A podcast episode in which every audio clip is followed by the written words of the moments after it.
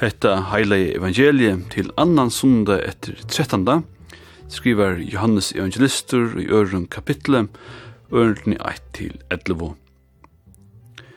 Og tria dagen var hilde brittleip i Kana og i Galileo, og maur Jesu var her. Men eisen Jesus var boin i brittleipe og lærersveiner hans herra. Og ta i her treit vun, sier maur Jesu vi han. Te hava anki vun, Og Jesus sier vi henne, «Kvinna, hva vil du mer? Enn er ikkje min tøyme kommet?» Mover hans herra sier vi tænarnar, «Hva han så sier vittikon, tæ skulle til gjerra?» Men her var sett seks vanskjer av steine etter rensana skie tja jötun og tog kvart herra tver etla trutjar kanner. Jesus sier vittar, fylle vanskjerne vi vattnet og der fylte tei av tremor, og han sier vittar, øyse nu opp og bere høveskokkjennom, og teir bauro honom. Men da i høveskokkeren smakka jeg vattne som var våre vun, og ikkje visste kvi han ta vær, men tænarnir som hadde årst vattne opp, visste til, kalla høveskokkeren av brukkommen og sier vi han, Hvor med vår sette fyrst hitt gaua vunne fram, og tar der ere vårene drukner hitt ringare. Tu hefur gømt hitt góa vunni lyga til nú. Hesa byrjan av teknon synum gjørdi Jesus i Kana og i Galileo og åpenbera i herr Dorsyna og lærsvannar hansara tru og ham. Og i Kana eit kvöldi vi versluna bor, søvan er velkjent om ta tiltekna brittleip i Kana, som vil omrøtt og i pratikoteksten og i margin. Tøyen etter 13. vil reisne kalla Epifani-tøyen. Epifani merker åpenbering, og pratikotekstner hesa tøyena snikka seg om at Jesus syner hva han kan og hvor han er. Hoas søvan om brittleip i Kana man vil ein tan kjentaste om Jesus og er bei brukt og misbrukt mittel året der, så finner vi denne bæra i evangelien tja Johannesen. Hine trutjer er ikkje, listaner teka han ikkje på tungo.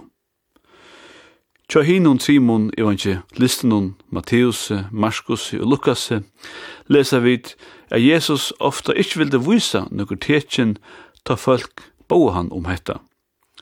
Og der bruker heller ikkje sama griska åre fyrir tekjen om hetta som Johannes, men heller åre dyna mais og kan omsetas til valsgjerningar. Hinvein brukar Johannes åre Semaion, og i mørkir tetjen, og hette hever ein jæljan tutning. Tja Johannes viser Jesus tjei tøylig tetjen, og kvui tei just er tjei utelle hava heva negg folk gjørsar neggvar tankar om tjøkken tøyner. Og heldur ikkje heva folk hugsa minni om at brittleipe var hilde tantsia degin Slukun matematiskun spekulasjonen skulle vi ta ikkje dvelja vi i kvöld. Men brittleip i kana er så det fyrste av hesson tjei undrun, og skulle vi vera verant ui mallærerne, er kanska verst at leggja til mestis, at frasøgnene det endar vi, at lærersveinane tja Jesus tjo og han. Her sender ikkje at det er tjo undronon, det er ikkje undrunne som skulle halda trunni oppi etla og vi få svær på hetta eller hit eller ikkje, men det er tryggvinn av mannen sjolvan som er avgjerande i hesen føre. Til god er vi okon om vi får svær som vi vilja eller ikkje, om vi får okra vilja eller ikkje, og dreisne hetta hetta bi om, ta vi bia, vere vilje tøyn. Hvordan ek vid en lesa og tjekkast om halgebok, mun de fleste vera samt om at vi koma til en marsk her okkara vit og skil ikkje røkkur langur. Her vit nøyas a leta trunna takka iver, og til eisen galdante ta ut høyra at Jesus gjer vatn til vun. Tui vun undre ui kana er eisen særligt og tann hot at onkur hevur ui gasareion kallata Osl. Ja, til onkur som er sagt er at vårta protestantiske norrlendingar og ridstjøtna og nudja testamentet slapp hendan søvan, nevan vi.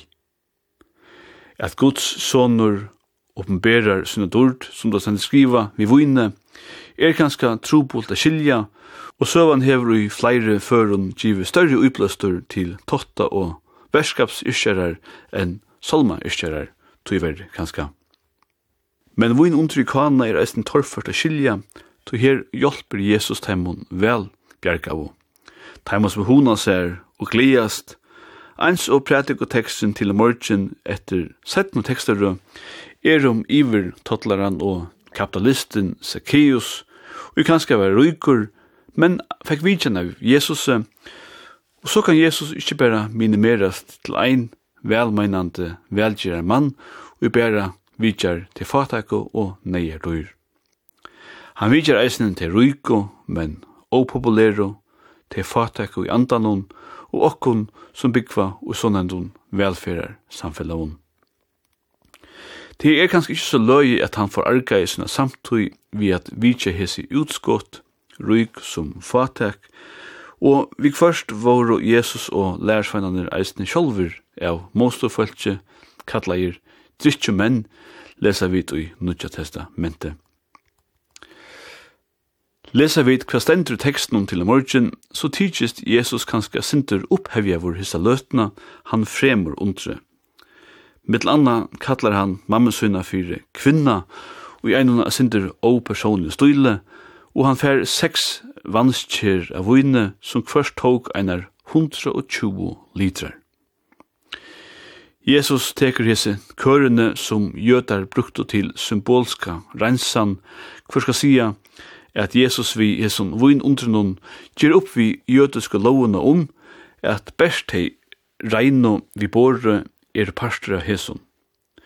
Kørene stå så at gestene kunne dippe hendene ut hei, her var lyte vatten ui, tala var meir om eina atronårlige skilto enn om regnføre men det stod her, og mynt også, at menneskene skulle gjøre sintur, og Gud skulle være nøktur.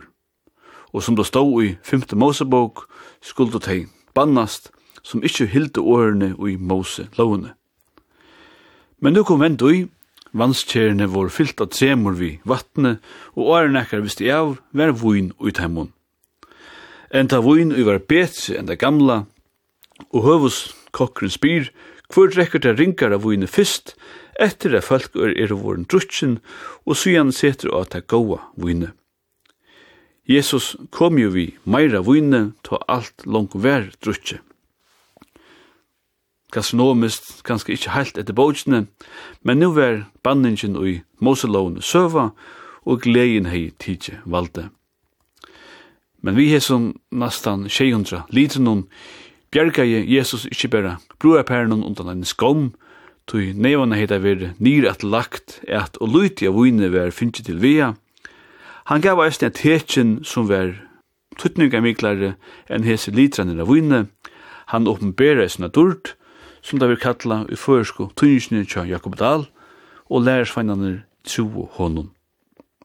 Han bjergaði varslene og til gåa lænun etter kvölde, og i kana vi varslene bor, eins og han eisni bjergar okkum gleina sjolva, ikkje best vi at sikva undrunum, men vi at sikva og sjolvan, mannen.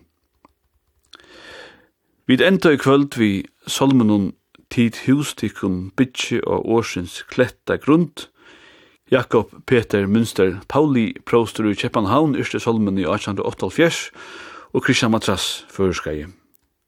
Og i tri øyne det verer mitt annet hitje såleis til, og han som var bojen i kana bruar fer, som tøyina skifta, han fyllt tikkar ver, valsikna kvar lån som Jesus kallar sjøin, her Herren vil valjast, kan vatn vera voin.